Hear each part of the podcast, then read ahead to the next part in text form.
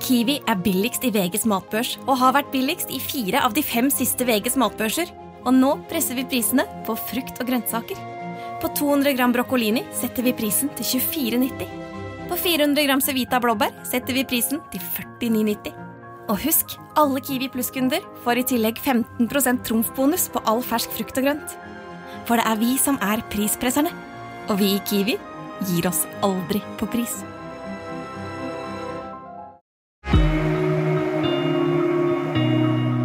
Hører på Siri og de gode hjelperne. Jeg, Siri Kristiansen og mine gode hjelpere har tatt sommerferie, men du skal få noen eh, smakebiter fra våren. Og så høres vi igjen til høsten. Da kan vi ta tak i dine problemer. Send de til sirialfakrøll.radionorge.no. Mine gode hjelpere denne gangen er eh, Espen Lervåg og Emma Steinbakken. God dag, begge to. Hei. Hei, hei. Hei. Jeg har mange problemer, men eh, det som er kanskje uh, mest relevant, og som jeg føler mest på, Mhm. er at jeg er ekstremt konfliktsky. Ja. Oi. Jeg backer ut av all Eller, jeg hater dårlig stemning. Mm.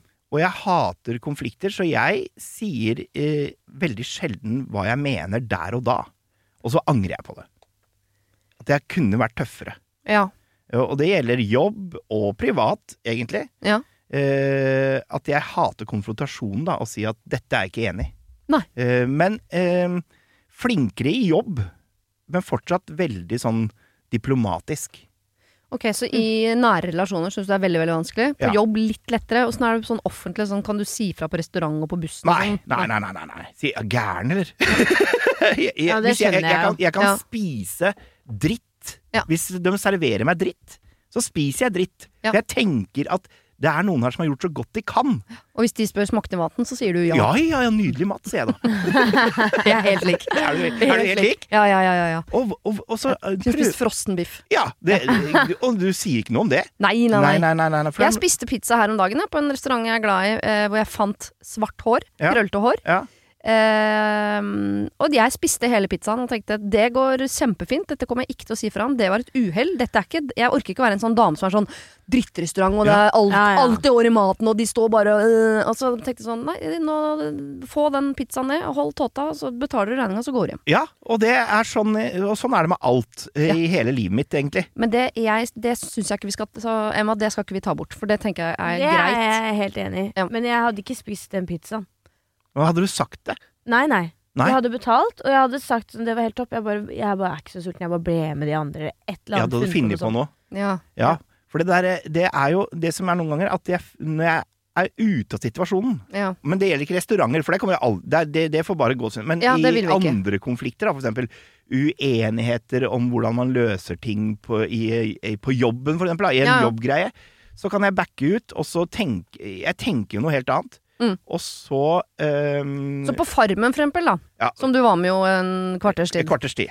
Eh, Det, det er egentlig et sted som fungerer dårlig for deg, i forhold til For der dukker det opp konflikter enten man vil eller ikke. Jeg hadde vondt i magen fra dag én, Ja. Eh, og innså ganske kjapt at eh, her, her, her kan ikke jeg være, på en måte. Nei.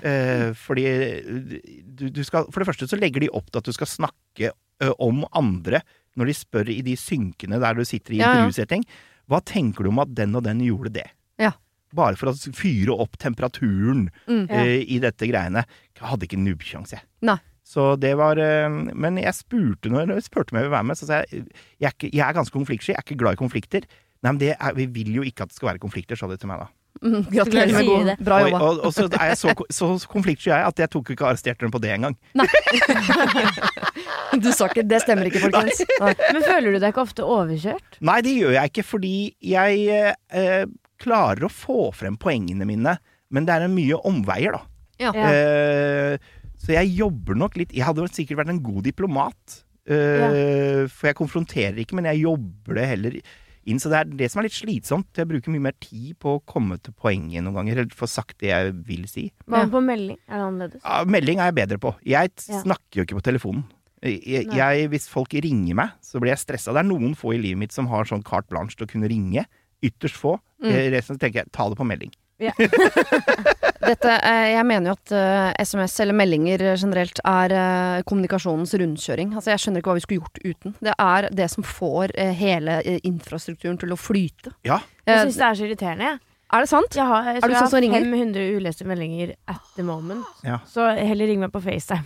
ja, du vil heller prate. Ja, men det er også hvis det er noe ubehagelig, så er det sånn vi kommer, Hvis jeg opplever noe ubehagelig med en person, så er man vel såpass nære at man kommer til å treffes igjen. Ja. Og da er det kleinere hvis man bare har snakket på melding første gang man møtes igjen, Ja. enn om man bare går rett på FaceTime og bare kommer seg gjennom det. Nå skal sant sies, da. Jeg er aldri Det er ytterst sjelden jeg er i konflikt med mennesker. Ja. Eh, så så Ja. det er veldig sjelden at jeg har et problem som jeg føler jeg må ta opp med noen. Det tror jeg nesten Skal mye til for at du blir irritert, Ja, det skal egentlig mye til. Ja. Men det er nok mer i det sånn daglig, den totalt utslettelsen av deg selv. at du er så people pleaser at ja. jeg undergraver mine egne ønsker, da. Men kanskje det er derfor du er gøyal på TV, Espen. For at du har så enormt behov for å, å, å, å si noe. For at du bruker så mye tid på å ikke si det du egentlig tenker. Ja, det er kanskje det. Ja. Ja. Så kanskje det er en gave, egentlig. Ja, Det kan hende at hvis, hvis du løser dette problemet, så blir du så jævlig kjedelig. Du, du er ferdig i bransjen. Kanskje være forsiktig med å pirke i det. Litt forsiktig. Men du virker ikke så veldig konfliktsky, Emma. Eller? Ehm, eh, jeg kan være det, men hvis jeg, hvis jeg er veldig sikker på at dette er sinnssykt viktig for meg, Mm.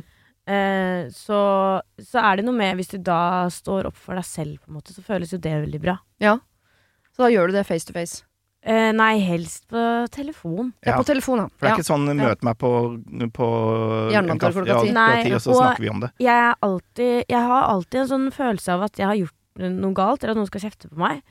Eh, så hver gang vi Sånn som jeg ble spurt forleden av en venn sånn Vil du drikke vin med meg og henne her om to uker? Ja, Og da blir ble jeg sånn åh, ja. Mm, Det var altfor lenge til. Ja. Så nå har de planlagt å, å konfrontere meg med et eller annet. Mm. For det er vanlig å være sånn Vil du møtes i dag? Mm. Eller i morgen? Men vi kan 14 Det var jeg egentlig i dag, da. Jeg klarte å komme meg unna. Men uh, vi skulle drikke Jeg bare Gud, har jeg gjort noe galt? Mm. Ja. Eller eh, enten har jeg gjort noe galt, eller tror dere at jeg har det veldig ille? Ja. Ja. Har dere møttes nå og vært sånn Gud, det går ikke så bra med meg om dagen. Skal vi, skal vi treffes, eller? Ja, jeg kan den dagen. Jeg kan den dagen òg. Vi må rive den ut av klørne til Bjørn Eidsvåg. Sånn har de snakka. Ja. Og samme med min Det er nesten enda verre. Han som jobber som min manager, da. Hvis han er sånn vi, øh, Skal vi ta et møte på mandag? Å, gud, ja. oh, nei, nå skal jeg få kjeft. Jeg Ja. bruker for mye penger. Ja, ja. Eller et eller annet sånn der. Eh, men det er jo aldri noe sånn, da. Nei. Men det burde man nesten si frem. For det er sånn, hvis en kjæreste sier sånn 'vi må snakke sammen', og det er sånn, hvis det er noe positivt, så si det med en gang. ja. Det må de Ja, men det kan manageren si også si, på si den sånn måten. Og jeg pleier jo alltid å spørre Har jeg gjort noe galt. Ja. Og så nei, nei. Men så tenker jeg sånn han hadde ikke sagt ja og latt meg vente en ukes tid. så du kan aldri være sikker. Så jeg er jo litt så konfliktsky òg. ja. Nei, Nei, man er ikke konfliktsky selv om man gruer seg til å ta tak i noe som er ubehagelig. Hvis jeg er vel ikke på jakt etter et samfunn der alle gleder seg til å ta tak i ubehageligheter. Da, er det jo, uh, da kan jo Kari Jakkesson bli øh, statsminister. Og det vil vi ikke. Vi vil jo ikke dit. Nei. Nei, det vil vi ikke. Nei. Men jeg er ganske, fordi det jeg har lært meg, som jeg er ganske heldig med, er at jeg, sånn som med med de jeg jobber tett med, Ja. de, de er jo ærlige med om, det, om at de er ganske konfliktsky. Mm. Så de er gode til å sånn sjekke av. Espen, men er det dette du Mener du dette? Ja. Så Ja. kan du si det. Eh, og så de, de lærer seg på en måte å hanskes med det. Men eh, krangling Fy flate. Eller sånn høylytt konfrontasjon. Det, det- gidder jeg- det gidder jeg ikke å være med på. Det det ikke jeg tenker jeg er unødvendig, egentlig. Men, du, som, Ja. men sånn som jeg, jeg kan jo oppleve sånn, heller ikke nå lenger, men kanskje mer før, hvis jeg jobba et sted, og to av mine sjefer gikk inn på et rom og prata sammen. Ja. Så jeg garant, nå, er det, nå får jeg sparken.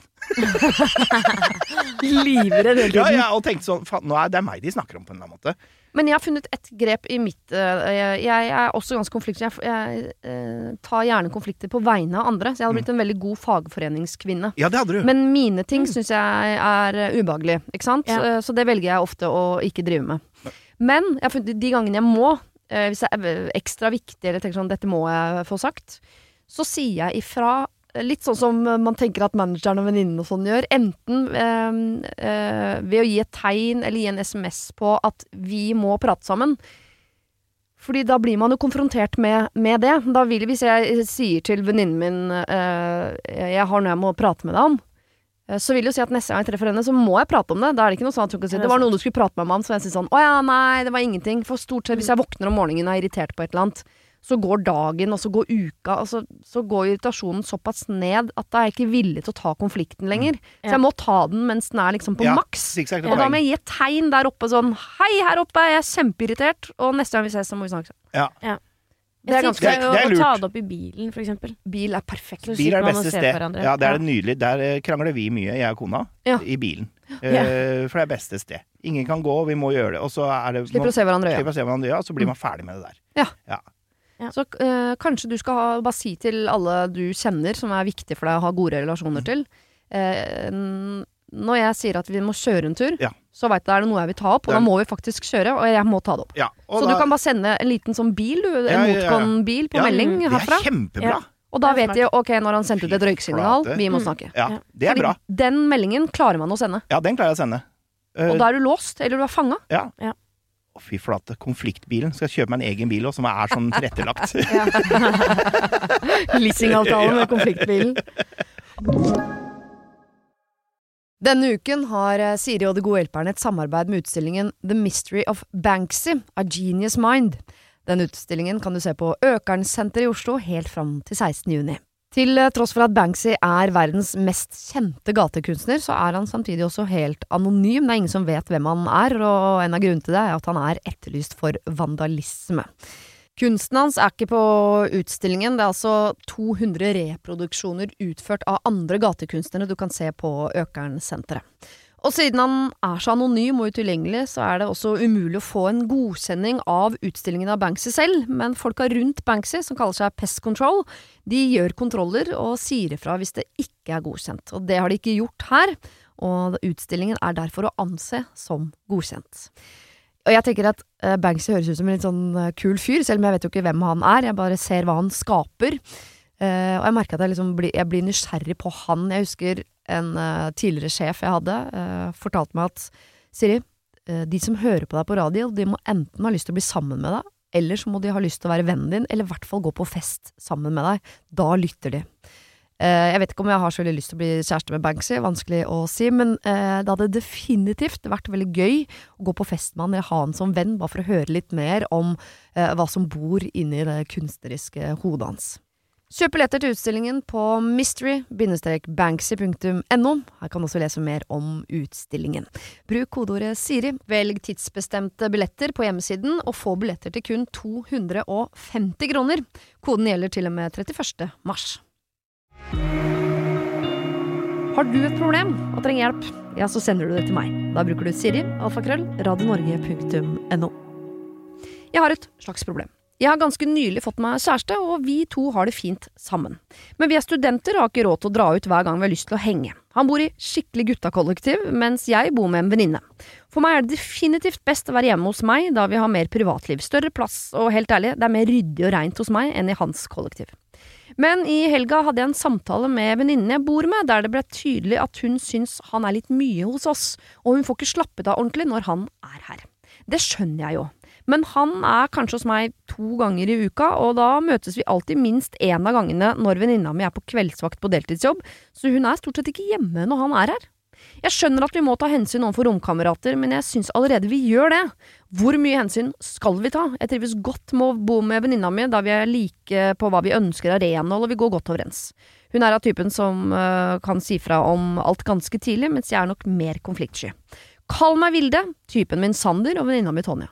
Her får vi jo kombinert ditt konfliktskhetsproblem, Ja. Espen, og uh, din venns Mm. problem om guttakollektiv og denne dama. Men her er det jo en som har sagt fra. Ja, en har Men sagt litt fra. tidlig, eller? Eh, Litt, ja, for det virker jo ikke som hun er så mye i eh, Det virker ikke som det skal være noe problem for henne. For det er ikke sånn at du ikke har lov å ha besøk når du bor i kollektiv. Nei. Jeg syns det var veldig rart. Ja, Og så skjønner jeg det man eventuelt kan gjøre da når man er i den situasjonen. Kanskje ikke sett deg i stua og se på film eh, hele kvelden, for det kan være irriterende, syns jeg i hvert fall. At de Mm. okkuperer ting. Ja, som fellesareale. Men Ja. om man er på rommet sitt, og man må gå og lage middag og spise, og så går tilbake på rommet sitt, Mm. det må være lov. Og Ja. jeg syns at det må være lov mer enn to ganger i uka. Ja, for det er det jeg syns var litt strengt. Men det kan være at hun eh, Kan det være litt at hun er redd for å miste venninna si?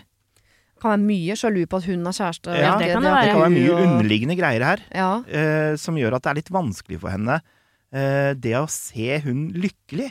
med en Ja. ja, men med Du gikk dit med en ja, gang. men, men, Det er at, ja, men at det, det kan være noe som ligger der, da. For jeg tenker to ganger i uka, det er ikke mye. Nei, den Nei. ene gangen er du ikke hjemme engang. Nei. Nei. Og jeg skjønner, fordi uh, det er jo det evige problemet i bokollektiv, er jo når en får seg kjæreste som er der mye. Det, er- altså, det er jo Ja. kimen til konflikt hver eneste gang, så det er nesten rart at man blir overrasket over at det er et problem. Ja. Ja. Eh, men jeg tenker en gang i uka Hun, man kan si at hun eier jo 50% av leiligheten og har lov til å ha besøk. Ja. Mm. Så jeg tenker at den ene gangen i uka så syns jeg til og med de kan være i stua. Men det er klart man må ta Ja. hensyn som man gjør i alle familier. Sånn ok, eh, hva skal vi se på? Ja. Mm. Eh, at ikke noen liksom har trumfer gjennom at og fordi vi er to, så er det vi som bestemmer. Nei, nei. Nei. Det er én mot én her, og så Ja. har du gjest.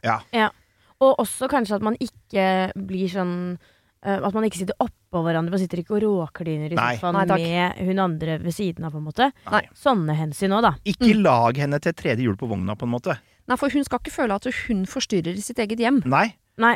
For det, det er det jeg lurer på også, da. For det er jo noe med, selv om hun ikke er hjemme, så kommer det an på uh, om følelsen at det er noen som har vært der og uh, kludra det til, på en måte. Ja. uh, Det kan være ubehagelig. ja, det er sånn som en, eh, hvis noen sover i Du vet at noen har sovet i senga di. Noen har spist grøten din. Ja, noen har spist grøten din. Ja. Ja. Eller du går inn på badet og finner en annen persons skittentøy på Ja. og sånn. Da, da begynner det å bli Da er det jo et problem, selv om den ikke er hjemme. Ja, Enig.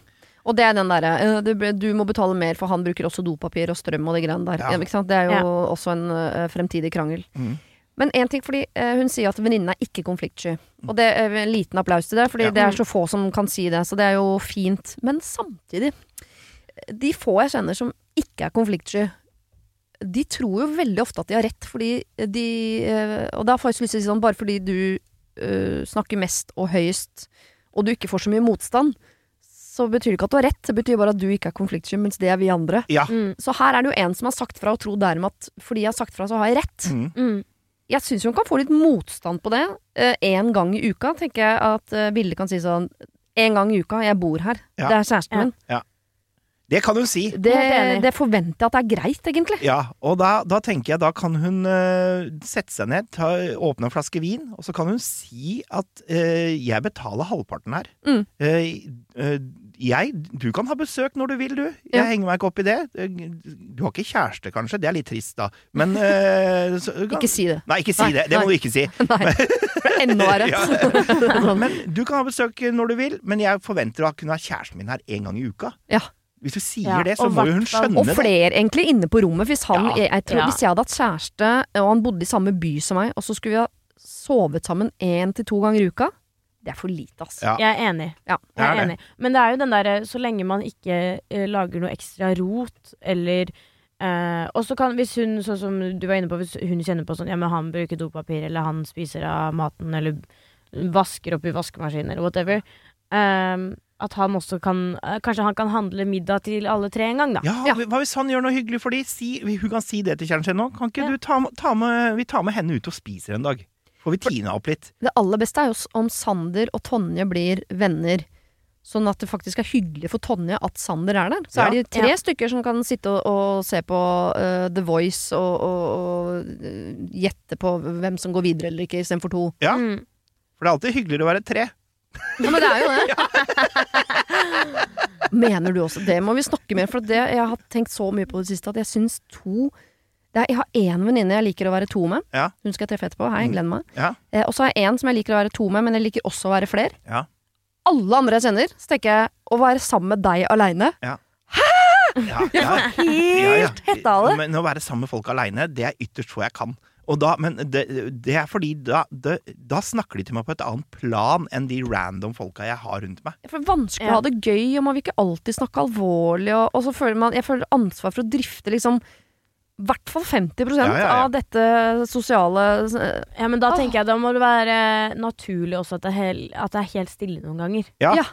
Da må det være lov å ikke prate hele tiden. Og det er ytterst få mennesker du har det sånn at det er naturlig at vi to er stille sammen. ja, det er Men det har Vilde og Sander har jo sikkert kommet dit i forholdet at de kan være stille sammen. Ja. Mens for Tonje blir jo den stillhet litt sånn Hæ, Ja, ja, ja, ja. jeg går på Mm. rommet, jeg. Ja. Og da føles det sånn når jeg er drevet inn på rommet mitt, for det sitter to stykker jeg stille sammen i stua. Ja, for Ja. det er fælt når du føler at ikke du kan Hvis du føler at du er i veien Ja. for ja, men det gjør det Tonje. Det er jo det man gjør. Man føler at man er i veien i sitt eget hjem, Ja. og da blir man fort irritert. Ja. Ja. Og det er det som har skjedd. Så her, tror jeg- men jeg tror det handler bare for Vilde og Tonje å snakke sammen. Ja. Jeg Sette tror forventninger. Og så tror jeg de må få noen sånne gøye tradisjoner. At sånn, eh, Sander han kommer alltid på søndag morgenen og steker egg og bacon, så ser de på Formel 1 sammen og er Ja. fyllesyke. Ja. Så blir det en greie. Legge inn noen greier, ja. Ja. Få, og få Sander på banen. Få Sander på banen. Ja. Mm, enig. Sander skal mer inn i det kollektivet. ja, han skal det. Han Ja. skal, kommer, Sander skal faktisk flytte inn. Hils Tonje for oss å si det. Hun bare, "Fy faen, drittgjeng. Ok, det der tror jeg eh, løser seg. Mm. Eh, bare husk det at selv om hun har sagt fra, så betyr det ikke- at hun har rett. Nei. Men hun må finne en løsning som funker for alle. Ja. Jeg tror Sander og Tonje må bli bedre sett. Ja. Bra regel, det der. Ok, vi går videre inn i et eh, venninnevennskap. Jeg håper dere kan hjelpe meg. Jeg er 22 år og har hatt en bestevenninne siden jeg var 12. Dere kan kalle henne for Maren. Hun er fantastisk, og vi er veldig glad i hverandre. Og vi har andre venner òg, altså noen felles, noen hver for oss. Men det er henne jeg går til når det er noe. Både fine ting og ikke så fine ting. For snart et år siden ble vi kjent med en jente kall henne Trude, som vil henge med oss hele tiden, og spesielt da med Maren. Jeg fikk fort litt dårlige vibber, hun virker som om hun er ute etter noe, veldig konkurrerende, falsk, og Maren er nok mer naiv enn meg og ser ikke helt dette, da. Hun, jeg har sagt at jeg føler at hun hater meg, men Maren sier nei, nei, nei, hun digger deg. Dette har blitt at vi småkrangler litt om, Uh, når det eneste jeg vil er jo å advare Maren mot å bli utnytta. Maren kommer fra en familie med mye penger. Hun har fine hytter, fin bil, fint hus, og jeg er privilegert som har fått uh, ta del i dette, uh, for familien hennes er veldig inkluderende. De har tatt meg med på fjellet, til utlandet, fine middager. Jeg mistenker at det er dette Trude vil ha, men Maren tror meg ikke. Så gjorde jeg noe dumt. Jeg leste i dagboka til Trude, og der står det at hun faktisk ikke liker oss. Det sto masse dritt om Maren, om hvor naiv hun er, at hun nesten ikke holder ut å henge med oss, og i hvert fall ikke meg, som hun kalte, og jeg siterer, en kjedelig og dum heks. Men, og dette sto det, hun var så keen på å være med på turer på fjellet og til Spania og så videre, så hun måtte bare holde ut. Kan jeg si dette til Maren? Det er jo ikke bra det jeg har gjort, og kommer hun i det hele tatt til å tro meg? Eh, eller vil hun måtte få dette bekreftet fra Trude? Hjelp! Hilsen meg. Oh my Oi. god, her har vi et plottet til en TV-serie. Ja. Ja. For til slutt, eh, På slutten av den TV-serien så tror jeg en av de dreper hverandre, på en måte. Ja, Hvis ikke man Det får gjort noe med det der. Men det var overraskende. Det hørtes ut som at vi var yngre enn Ja. 22 år. Eh, jeg hadde, hadde aldri falt meg inn å lese dagboken til noen. Men jeg eh, Nei, for det er vel en hadde vel aldri lett heller. for, Etter dagboka? Etter en dagbok. Nei. Nå har jeg aldri vært sånn som skriver dagbok, da. Men eh, eh, hvis jeg skulle satt meg inn i det, så hadde jeg sagt Vet du hva, jeg gjorde noe kjempedumt, og jeg vet at jeg har vært skikkelig kritisk til henne hele veien. Mm. Men det er bare fordi at jeg bryr meg sånn om deg, Mm. eh, og kjenner deg jo inn og ut, og du kjenner meg, og alt sånn. Um, og det er ikke meningen å virke sjalu på forholdet deres, det er bare at jeg på ekte har fått bad vibes av henne. Mm. Så jeg gjorde noe kjempeteit, og jeg vet det var veldig teit, men jeg fant noe sjuke greier. Og det var dette hun fant i dagboka. Jeg tok ikke bil- Det hun burde gjort, var å ta bilde av det. Ja, Ja, hvorfor gjorde hun ikke det? for da kunne hun For da kunne hun vist det. Ja. Ja, det var dumt. Det var det dumt. blir jo Ja, det var veldig dumt. Jeg hadde jo ikke villet uh, uh, Hvis man skal begynne å si Men det er ikke sånn- for seint Ja, du mener Nei. du må begå den samme krim kriminaliteten igjen? få, få dokumentert det. Ja, hvis det går an. Ja.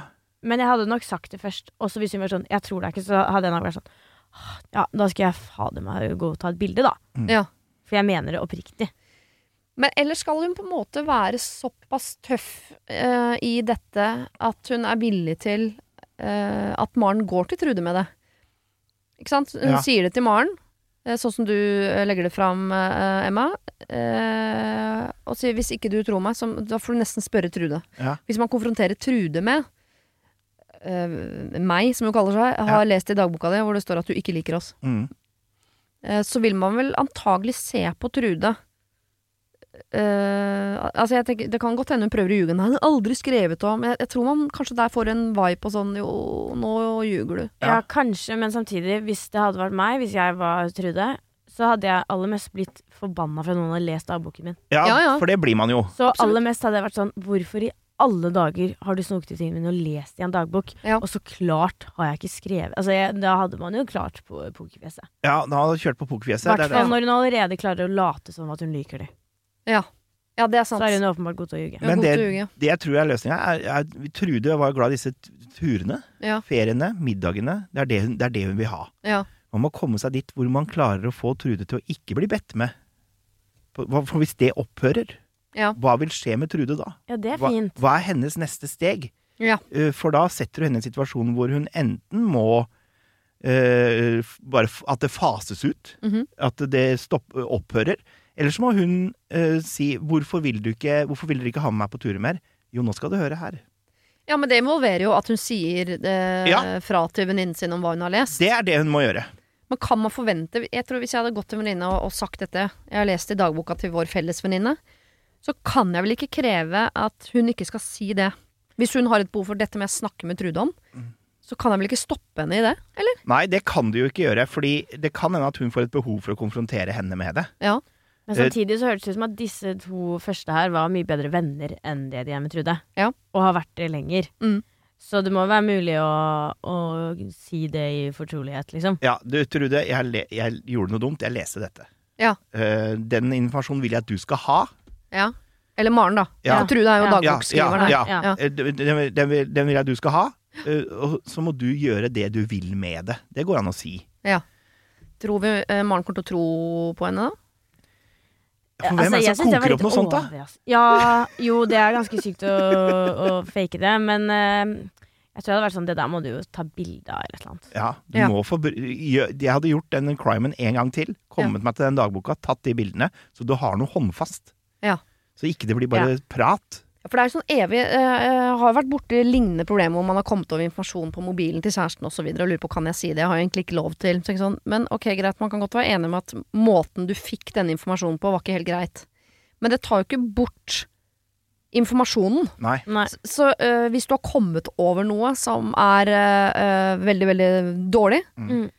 Så tenker jeg man kan godt diskutere hvordan man kom over det, og det var dårlig gjort, og la, la, la. Men den informasjonen du allikevel sitter igjen med her, er jo vital. Mm. Så jeg tenker, eh, hvis du har gått inn på mobilen til kjæresten og funnet utroskap og sånn, så er det ikke sånn at du ikke kan konfrontere han med det, fordi måten du fant ut av det på, var ikke greit. Nei, for det har fortsatt skjedd. det har fortsatt skjedd! Det er sånn som spioner tenker. Det er derfor vi har spioner. Ja, og da Det er ikke jeg, greit. hvis, uh, hvis man da henger seg opp i sånn «Å ja, Men du har ikke lov å lese min dagbok. Nei, Nei. greit, jeg, jeg vet det, men kan vi komme over til det viktige her, som er Ja. informasjonen jeg fikk tak i? Ja. Ja.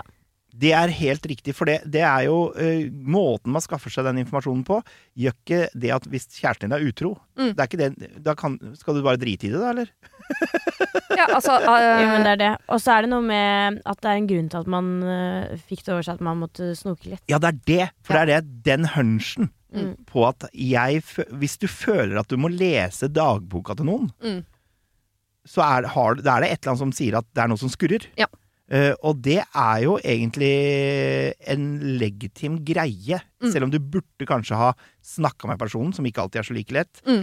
så, så er det jo noe som gjør at du valgte å ta tak i den dagboka og lese den. Ja. Hadde dette vært en politiserie, da, og du tenker at jeg føler at det er han som er morderen, jeg må gå inn i huset og finne bevis, Ja. så har du ikke lov til det. Hvis du bare går inn da og finner bevis, så kan du faktisk ikke bruke det. Nei? Du må ha ransakingsordre. Ja. Så vidt uh, Dette har jeg lært på uh, krimserier på TV. ja, ja, ja. Wow, ja. Så egentlig, hadde dette vært liksom mm, enda mer alvorlig, så er det veldig dumt at hun fikk informasjonen på den måten. For Ja. hun kunne ikke brukt Ja. Kan ikke bruke det. Nei. Så hun, men jeg tenker jo Jeg hadde prøvd å få det dokumentert. Ja. For det er jo det er, det er jo dølt å bare reise rundt på ferier og spise mat med, med folk du ikke liker. ja, det er jo helt sinnssykt. Enig. Og så må du liksom tenke, hva er det du er ute etter her? Ja. Du er jo ute etter å, å få bort Trude. Ja. Eh, og du er ute etter å beholde Maren. Ja. Og da kan nok hende at den kriminaliteten du allerede har begått ved å lese den dagboka, den må du gjøre en gang til. Ja. For det er jo ikke hyppigheten som gjør at dette er eh, ulovlig. Nei, rett og slett. Ja. Så eh, jeg, jeg, hadde gått for, det en gang til, jeg. Og så gjort, gjort litt spennende. Lagt på noe spenningsmusikk og sånn mens jeg gjorde det på øret. Så hadde du fått noe ut av det Filma sånn skummel. True crime. Ah, ok. Eh, det var dumt at du leste den boka, men det har du gjort, og det Ja. må du gjøre en gang til. Denne gangen så uh, tar du bilder av det, og så Mm. går du til Maren med det. Men du må være liksom forberedt på at Maren går til Trude. Ja. Eh, så Trude er det godt mulig at du mister. Det høres ut som du er komfortabel med. Ja. Ja. Eh, bare håper ikke du mister Maren også. At Nei. Maren velger Trude her. For hun syns kriminaliteten ved å lese dagboka er større enn sviket til Nei. Trude. Men det er det ikke. Det ikke. Nei, hun må skjønne at det her var for å passe på Maren. Denne uken har eh, Siri og De gode hjelperne et samarbeid med utstillingen The Mystery of Banksy, A Genius Mind. Den utstillingen kan du se på Økernsenteret i Oslo helt fram til 16. juni. Til eh, tross for at Banksy er verdens mest kjente gatekunstner, så er han samtidig også helt anonym. Det er ingen som vet hvem han er, og en av grunnene til det er at han er etterlyst for vandalisme. Kunsten hans er ikke på utstillingen. Det er altså 200 reproduksjoner utført av andre gatekunstnere du kan se på Økern-senteret.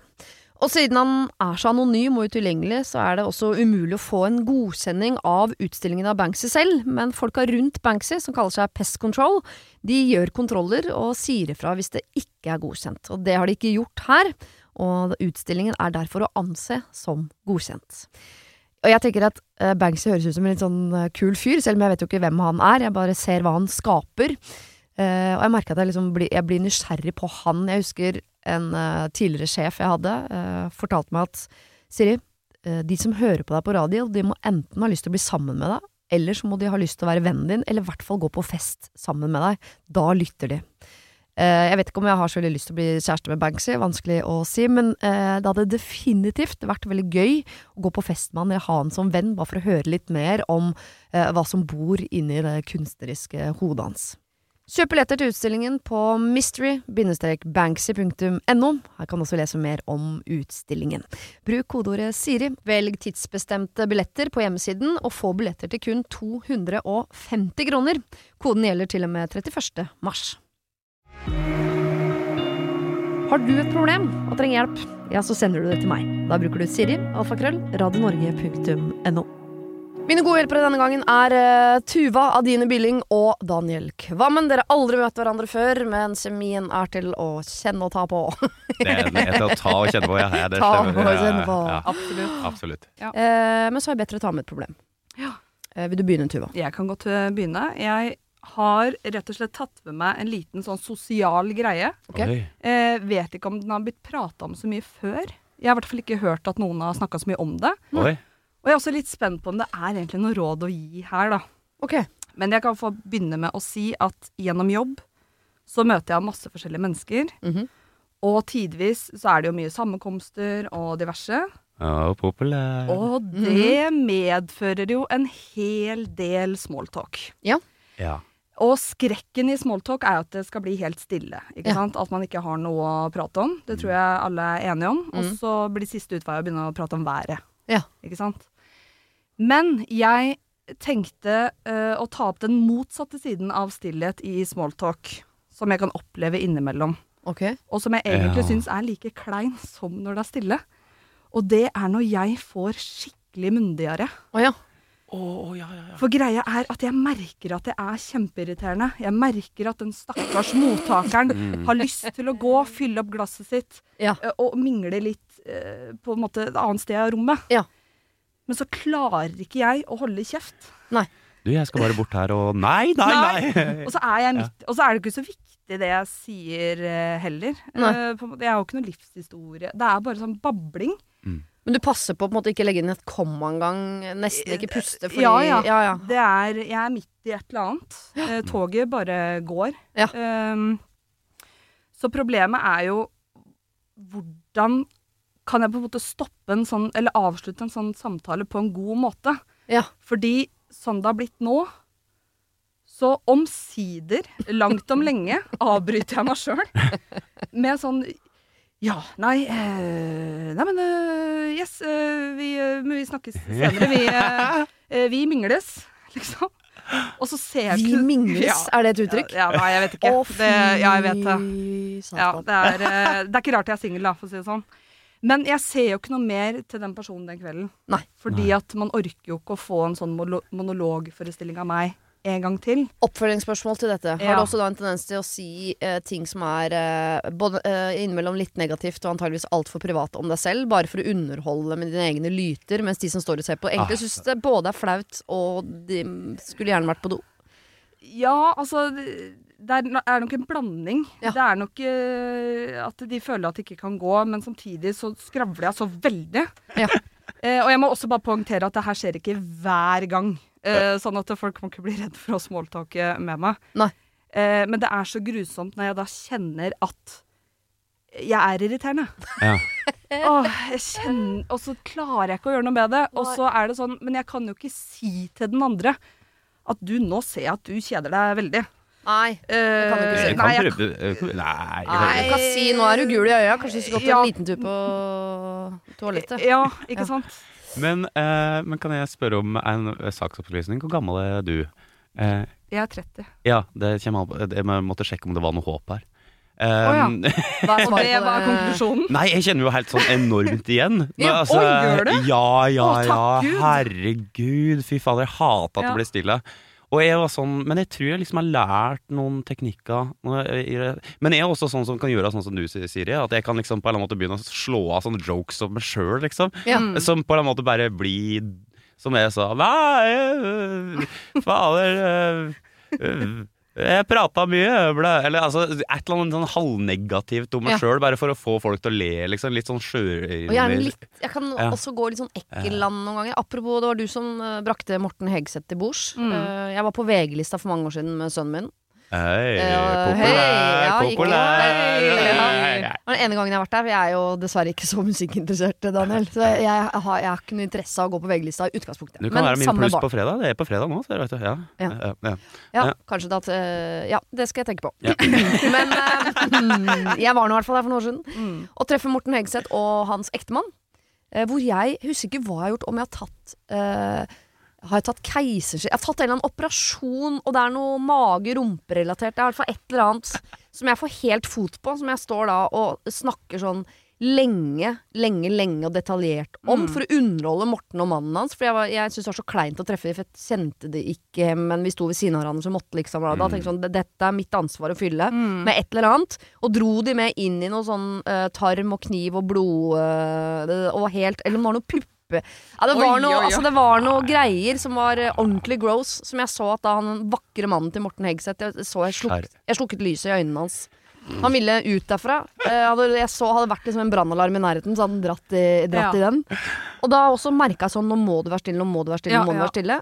Og da er man jo så flau. Det Det tipper jeg liksom mekanismen som Mm. foregår oppi hodet ditt, Tuva.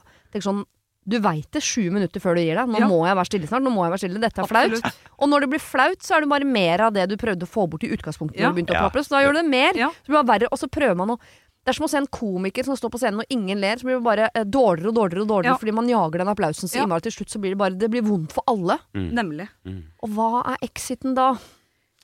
Altså, er, det, er det noe jeg kan gjøre i forkant, når jeg kjenner at det toget er på vei inn på stasjonen? Ja. du kan jo la være å reise på festen, gang. da.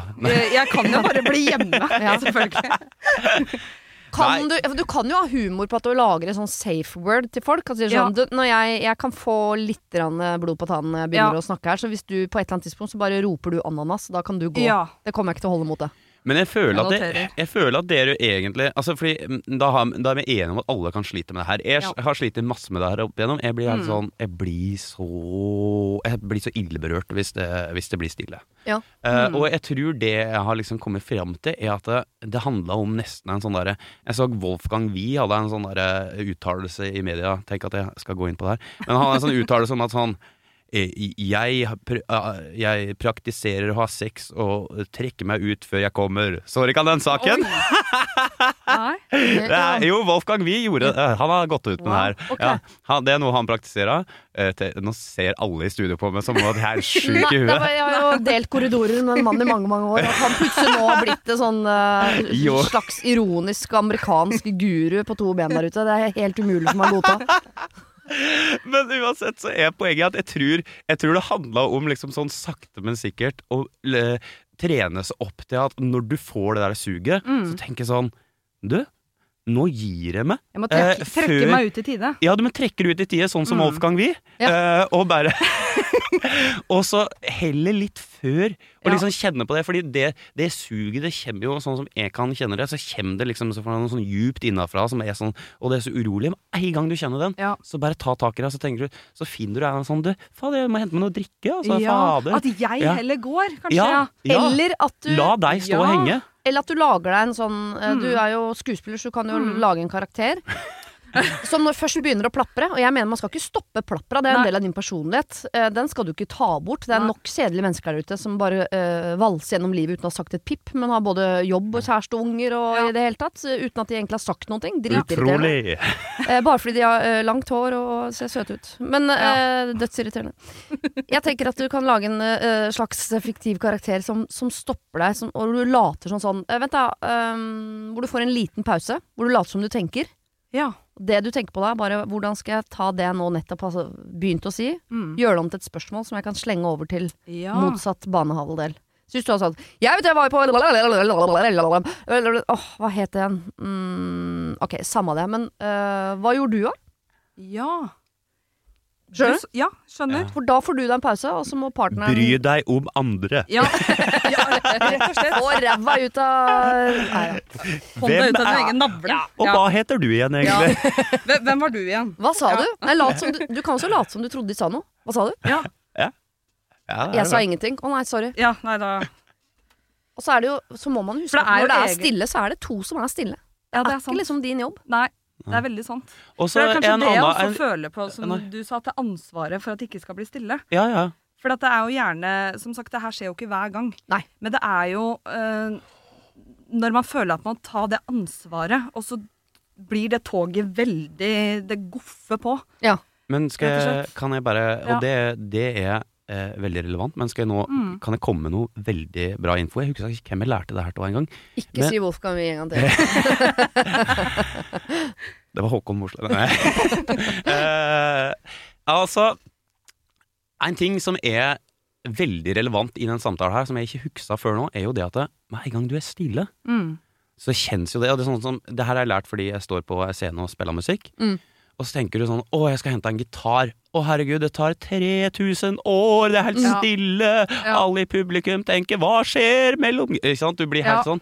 Men sannheten er jo det at det, de sekundene er ikke så lange for den andre personen. Og når du da, i en samtale Det her var poenget mitt. Hvis du i en samtale bare helt kjeft, så kommer de på et eller annet tidspunkt og sier si noe, og da får du noe info som er relevant for deres liv. Og da er det så mye lettere å bygge en samtale, for da skjønner Mm. du at ja, de syns det er mer interessant å prate om det her. For hvis du står og tjater hele tida, Mm. sånn som jeg kan gjøre, så blir jo hele samtalen om det og ditt. Ja. Mm. Og det syns kanskje ikke de er så interessant. Det er Nei, kanskje derfor de er stille. Mm. Hvis du da på et eller annet tidspunkt greier å si, bare holde kjeft og si sånn Ja, du da? Eller bare være stille, så kommer de til slutt å si sånn ja, ja, jeg var ute med seilbåten min i går. Og så sier du å ja. Og da angrer du på at du Ja, da angrer jeg. sant? Ja, da ja, går vi tilbake til mine ja, for jeg har vært på motsatt side og endt opp med en som aldri kakler høne ut av en annen verden. Ikke sant? Som aldri blir ferdig. Ja, Så jeg var det Sigrid Bonde Tusvik? Ja. Eh, nei. Nei. Sigrid. Jeg er veldig glad i deg, vet du. Der kan jo toget gå ganske Ja, det er akkurat det. Men jeg har jo møtt, jeg har vært på motsatt side òg. Ja. Derfor jeg vet hvor vondt det er å være der, og ikke komme seg unna. Mm, Mm. Men husk det, da. Men eh, ja, jeg skal ta De med gangene meg ananasen. Fiktiv, Ananasen er fiktiv eh, karakter. Mm. Uh, gå, at jeg forlater situasjonen. Ja. Fremfor at den andre skal ta ansvar for å gå. Ja, Så kan jeg rett og Ja. slett Trekk deg ut i tide. trekke meg ut i tide og Ja. rope ananas.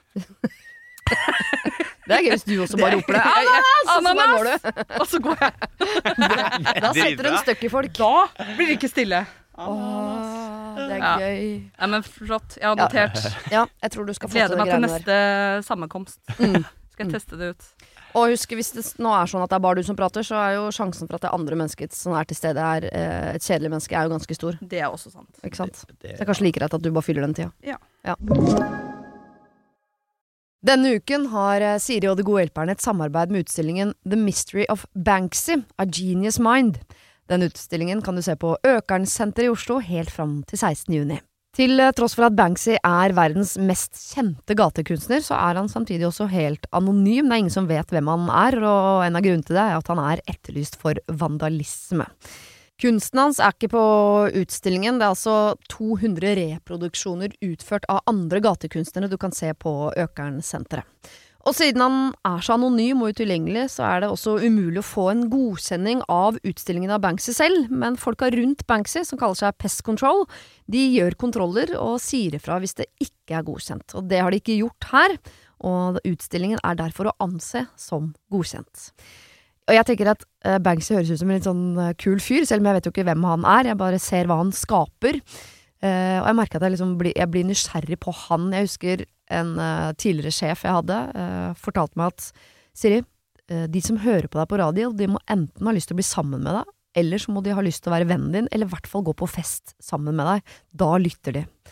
Jeg vet ikke om jeg har så veldig lyst til å bli kjæreste med Banksy, vanskelig å si, men det hadde definitivt vært veldig gøy å gå på fest med han eller ha han som venn, bare for å høre litt mer om hva som bor inni det kunstneriske hodet hans. Kjøp billetter til utstillingen på mystery-banksy.no. Her kan du også lese mer om utstillingen. Bruk kodeordet Siri, velg tidsbestemte billetter på hjemmesiden, og få billetter til kun 250 kroner. Koden gjelder til og med 31. mars. Har du et problem og trenger hjelp, ja, så sender du det til meg. Da bruker du Siri, alfakrøll, radionorge.no. Eh, Vi skal til en masete venninne. Mhm. Jeg er en del av en herlig kvintett med flotte damer. Og du som driver med musikk, eh, Daniel, kan fortelle oss hvor mange det er i en kvintett, kanskje? Eh, en kvint er ikke det fem Det Nei, er fire? Kvintett? Nei. Det er kvartett. Å ja, det er kvartett. Nei, det vet jeg ikke. Jeg bare fant på noe. er det ikke kvintett fem? Kvintett. Jo, det hørte Å herregud, jeg kan så lite musikkteori, okay. men, eh, ja. men kvinten er det nå. femmeren. Å herregud. Ja, la oss si at det er fem. da. Jeg er jobber fem. profesjonelt med musikk, ja. ja. Ja, men det er fem. Ok, vi ble kjent i studietiden, og vennskapet oss imellom har lenge vært skikkelig fint. Vi drar ut, vi har rolige kvelder inne, vi drar på turer sammen, vi møtes både sammen to og to og på tvers av gruppa. Det siste året har en venninne i denne gruppa, kall henne Johanne, trukket seg mer og mer bort fra gjengen. Hun er den som bor lengst unna, hun har vært i samme forhold siden vi møtte henne, og hun er den som er minst glad i å stikke ut på byen, som resten av oss fortsatt syns kan være skikkelig gøy. Det siste året har hun oftere og oftere takket nei til invitasjoner, og det har skjedd flere ganger når vi møtes at hun enten kommenterer hvordan vi aldri har tid til å se henne, hvor lenge det er siden sist, eller at hun har glemt fremtidige avtaler vi andre mener vi har skrevet i kalenderen for, uh, forrige gang vi var samlet. Hun er veldig passiv-aggressiv, og kan bli ganske slitsom de gangene vi møtes. Noen ganger opplever jeg at det er mye lettere å bare avtale å møtes én eller to av de andre i gjengen for å slippe å høre om at ja, hadde jeg blitt invitert litt tidligere, så kunne jeg kanskje fått det til, da. Vi er en spontan gjeng som finner på mye forskjellig og kan snakke om hva vi skal i dag, og dermed ende opp med å møtes samme kveld. Nå merker jeg at eh, jeg selv og resten av gruppa har begynt å få et skikkelig anstrengt forhold til Johanne, selv om vi prøver å minne hverandre på at vi pleide å elske å ha henne med på alt mulig. Jeg vet at hun har slitt med ulike ting, men eh, det har vært uh, tilfelle hele tiden vi har kjent hverandre, og har sånn sett ikke noe grunn til å endre oppførselen hennes det siste året. Jeg vurderer en slow fade, der vi bare møtes ved anledninger, men en av de andre i gjengen mener det er uaktuelt og slemt gjort. Vi skal jo ta vare på de rundt oss, men jeg opplever ikke å bli tatt vare på tilbake. Hvor hardt skal jeg da jobbe med dette vennskapet? Hva, kan jeg spørre, var det noe alder her? Uh, Mm, nei. Nei, men de har kjent hverandre siden studietiden, og fortsatt single, tipper sånn slutten av 20, opp mot 30. Ja, det var det jeg også tenkte. Nei, du, her er det jo liksom litt sånn um, Det er jo flere ting han kan tenke seg at hun Johanne kanskje sliter litt med, da. Um, hun var inne på uh, at det kanskje var slik at uh, hun uh, hadde vært igjennom noe greier. Så hvis du, hvis du er deprimert, da Jeg har skrevet Mm. 'deprimert' i spørsmålstegnene her. Da, da blir det jo ganske vrang å ha med å gjøre. Der blir jo sjølopptatt. Altså Folk som er deprimert, blir jo ganske sjølopptatt og liksom Ja. litt sånn ikke så hyggelig, egentlig. Eh, Sjøl om det er synd på folk som er deprimert, eh, til alle der ute som er det, og Mhm. til noen som kjenner noen, så, eh, så er det jo faktisk en kjensgjerning at folk som er deprimert, kan bli eh, litt eh, utrivelig å ha med å gjøre. Ja.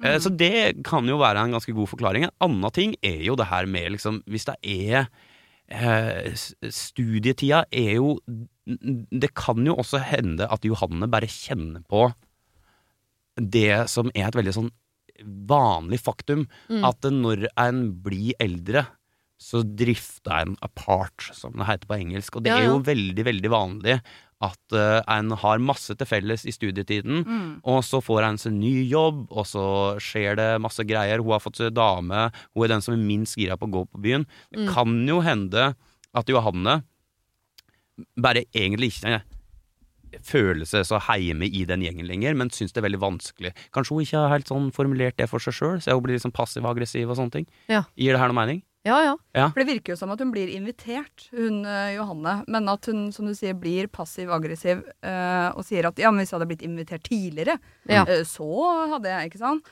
Og der tenker jeg ja. eh, altså et vennskap er jo som å ha et forhold, da.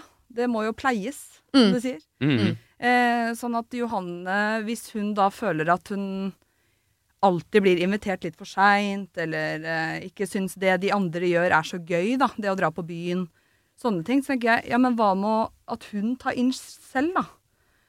Mm. Hun Johanne. Ja, men da må Ja, du ja, be henne om å ta inch, da. Ja, eller man må ta den praten, da. Og med Johanne, og finne ut hva er Er det aktivitetene hun ikke liker? Er det det at vi drar på byen? Er det, er det de tingene hun ikke er så glad i lenger. Ja, for det, nå er du inne på noe veldig smart. Det går jo an å spørre jo Det går jo an å spørre sånn Du, vi merka at Du trenger ikke si sånn at du Men du, er- du Johanne, du er veldig passiv-aggressiv. Ja, nei, litt det, man trenger ikke å begynne der. men, men kanskje si sånn Du, vi merka at det ikke alltid er like enkelt å få til ting lenger og sånt, Mm. og kanskje kjenne litt på at du kjenner på det òg. Hva, hva, hva faen er det du sliter med, da? Men jeg vil altså Ja, spørre på en pen kjent- måte. Ja, Ja. altså De Går har jo kjent hverandre altså De har jo studert sammen, og, og da blir man jo ofte veldig knytta eh, I hvert fall snakker av erfaring. Eh, så blir man jo ofte det. Eh, sånn at det virker jo som at de har kjent hverandre en stund. Jeg vet ikke hvor gamle de er. Men eh, det å ta den praten med henne, da. Ja.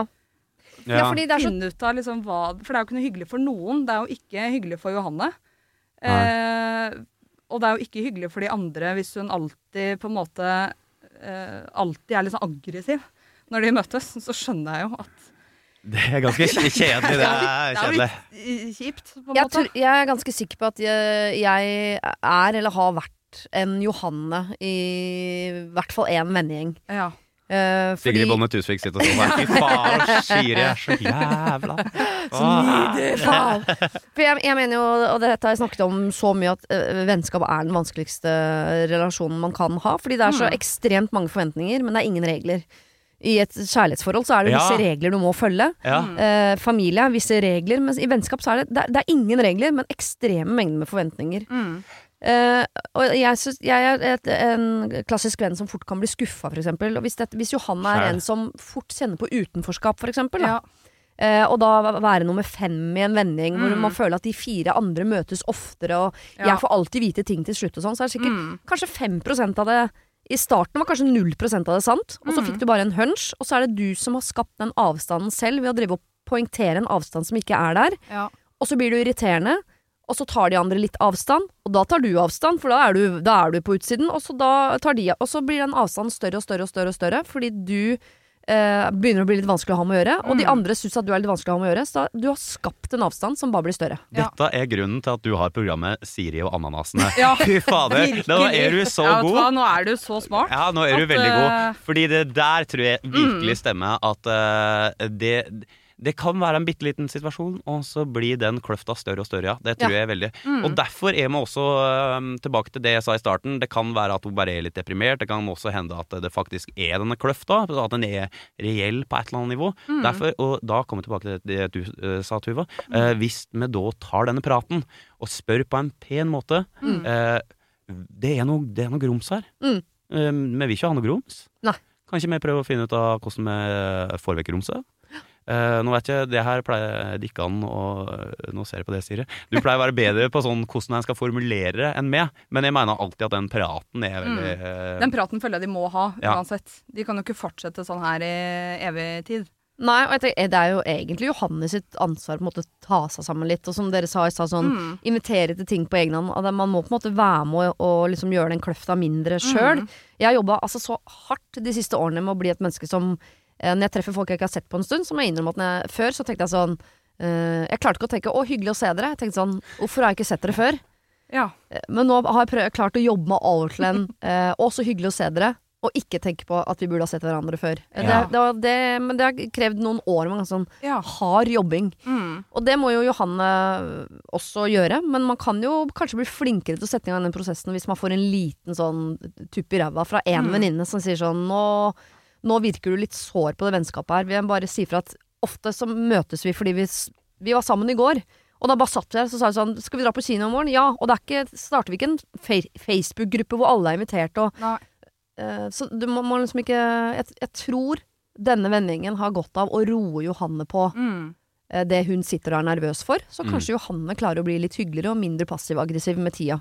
For jeg syns det er viktig med hun, en ene venninne som sier sånn «Åh, vi skal jo ta vare på de rundt oss. Ja, det skal man. Ja, det er Men man har enig også lov til å skli fra hverandre. Ja. Det, man må skjønne etter hvert at i noen vendinger ser man bare i eh, 30-40-50-årsdager, og ikke alle helgene mellom. Mm.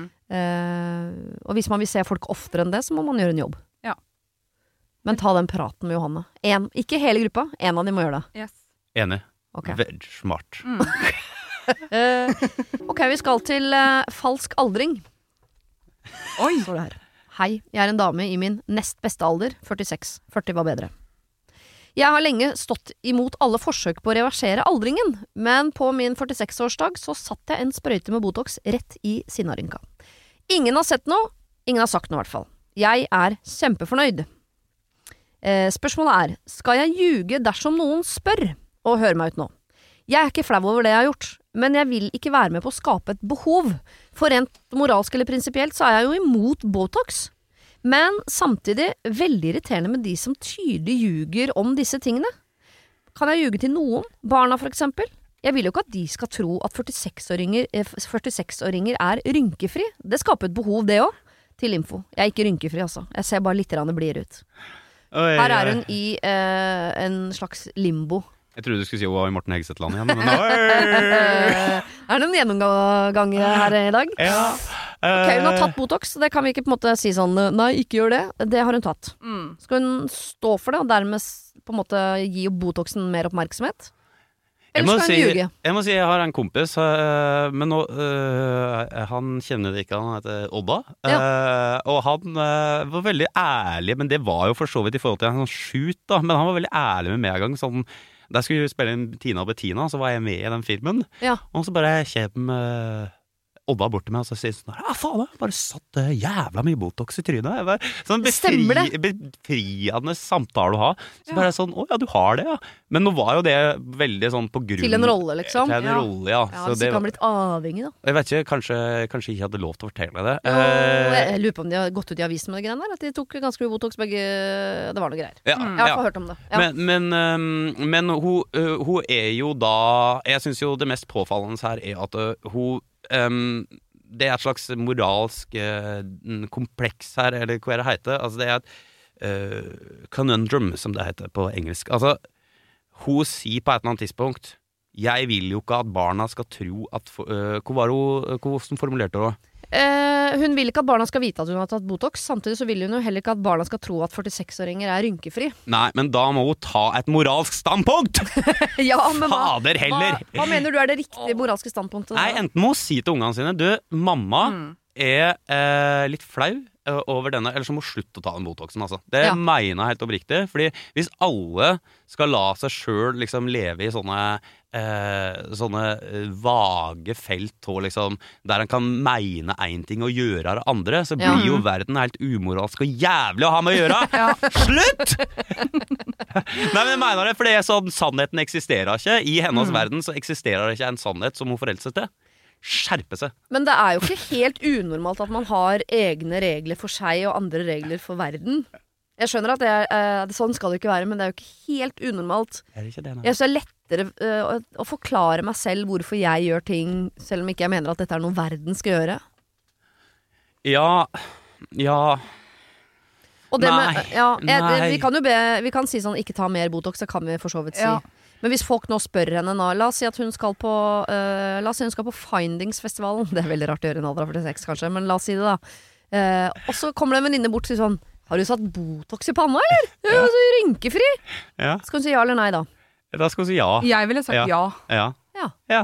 Fordi Fordi at f- fordi at hun har gjort det, hun må stå for det. Men må på en måte ha verdier her. Altså dette forholder seg til større ting òg. Altså, Invaderer med Ukraina, så må man på en måte stå for det. Altså, Ja. Er et utrolig dårlig eksempel, men eh, poenget er at eh, vi gjør ting i denne verden, eh, og er det gode eller dårlige hvis hun syns det er en dårlig ting? Mm. Hun syns jo åpenbart det er en dårlig ting, og Ja. da må hun da må Ja, da må hun enten la være, eller så må hun stå for at hun gjør en dårlig ting. Altså, skjønner du at det, det, det liksom kan ikke Hun er jo med på å opprettholde denne formen for uh, oppførsel. Ja. Jeg sier ikke at det er dårlig å ta Botox. Det må folk få lov til å gjøre akkurat som de vil med, for mitt vedkommende.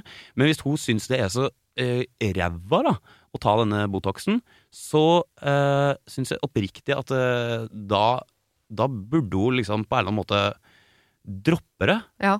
Eller så må hun se seg sjøl i ansiktet og liksom stå for det. Ja. Bare akseptere da, at man enten har disse rynkene, Mm. og da slutte med Botox. Mm. Ikke sant? Bare akseptere at sånn er det. Sånn er livet. Ja. Uh, og vi er ikke rynkefrie Altså, det er jo ikke jeg engang som er 30. Jeg har jo fortsatt rynker, eller begynt å få, jeg òg. Ja. Liksom. Men det, sånn er det, da. Sånn er det. Sånn er Sånn er det. Jeg syns det er vanskelig, for jeg, jeg har- må innrømme at jeg har tenkt på det samme noen ganger. Sånn i forhold til øh, øh, Hvis jeg plutselig skulle sette Botox en dag, Mm. så kanskje jeg bare skal holde kjeft om det. For det er klart sånn, eh, Fra et venninneperspektiv, hvis man er en venninnegjeng hvor det snakkes mye om Botox, så kan man Mm. på den måten normalisere Botoxen så mye at folk som vanligvis kanskje ikke ville ha gjort det, gjør det. For det, det er så vanlig i vår gjeng. Mm. Men hvis folk bare kunne holdt kjeft om Botoxen, så kanskje ikke det Så kanskje vi hadde redda to-tre i gjengen fra å ta, fordi de får ikke helt med seg at det er det vi driver med Men for tiden. samtidig så vil det jo synes på et tidspunkt, da. Vil det ikke det? Ja, jeg, bare, for jeg lurer på om Aldri- Altså at Jeg Ja, bare Fra ja, sinnarynke ja. til å plutselig Nå ser hun jo blidere ut, sier ja, hun jo. ja, hun sier det. Eh, sånn at eh, Jeg liker at det, det Når du for, for, forklarte det liksom sånn Ja, vi kunne redda noen i vennegjengen fra det. Det høres ut som det som skjer i Sofie Elises gjeng, for å si det sånn. Vi snakker ikke om det her, da. snakker ikke om det. Eh, Jo, men det, det er ikke det, eh, det er et bedre eksempel enn Ukraina. For det er jo noe med sånn Hvis man i en gjeng eh, hele ja, tiden ser at dette er noe alle gjør, Ja. så var det ikke sikkert at alle gjorde det. Kanskje det var to-tre som ikke gjorde det. Men hvis det Mm. virker veldig veldig normalt, så på, vips, så gjør alle det. Så sånn sett tenker jeg at det kan være greit.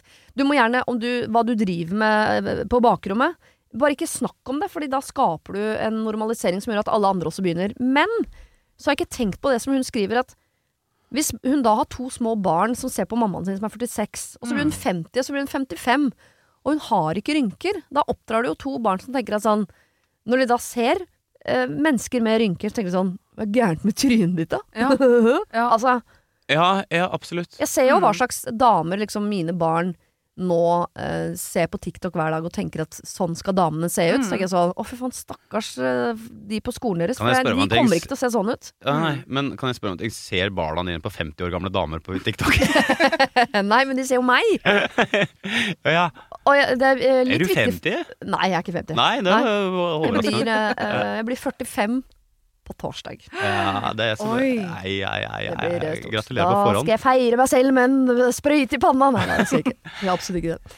Eh, Nei, altså øh, Gratulerer på forhånd. Takk. Og så øh, må jeg si det at jeg har jo virkelig Jeg, jeg, jeg skjønner ikke hvor dette engasjementet mitt kommer fra i denne saken. Det var voldsomt fra Kvammen her. Uh, Poenget er jo at jeg, jeg bryr meg ikke så mye om Botoxen som fenomen. Jeg bryr meg mer om det her at hun er på en måte tosidig i sin tilnærming. Eh, Så for min del så handler det mer om at vi må ta moralske standpunkt i denne eh, vage, vage verden vi lever i. Altså. Så jeg, Ja. jeg, jeg gir det noe mening for dere? Mm. Ja, men Ja. da egentlig det vi sier sånn Enten så må du ikke ta og stå for det, eller så må du ta og stå Mm. for det. Ja, det er så enkelt, tenker Ja. jeg. Men ok, ja, For er det pressa jo på en måte til å ta stilling til dine egne usikkerheter. Da. Så da kommer vi til å lande på et eller annet. Men da må jeg kan inngå et slags kompromiss her. Mm. Eh, enten ikke ta og stå for det, eller ta og stå for det. Men hvis du tar, ikke prat så mye om det. Ja. Altså På direkte spørsmål har du satt Botox. Ja, men du trenger ikke å ha en sånn 'Skål, jenter, skal vi snakke litt om Botox', Nei, eller? nei. altså bare eh, ikke, eh, ikke ikke gjør det om til sånt kjempetema. Trenger ikke oppfordre til å prate om det. Nei Ok, da lander vi der. Ja. Greit. Det var det. Husk å sende problem til siri.radionorge.no om du vil ha hjelp. Denne podkasten er produsert av Klynge for Podplay.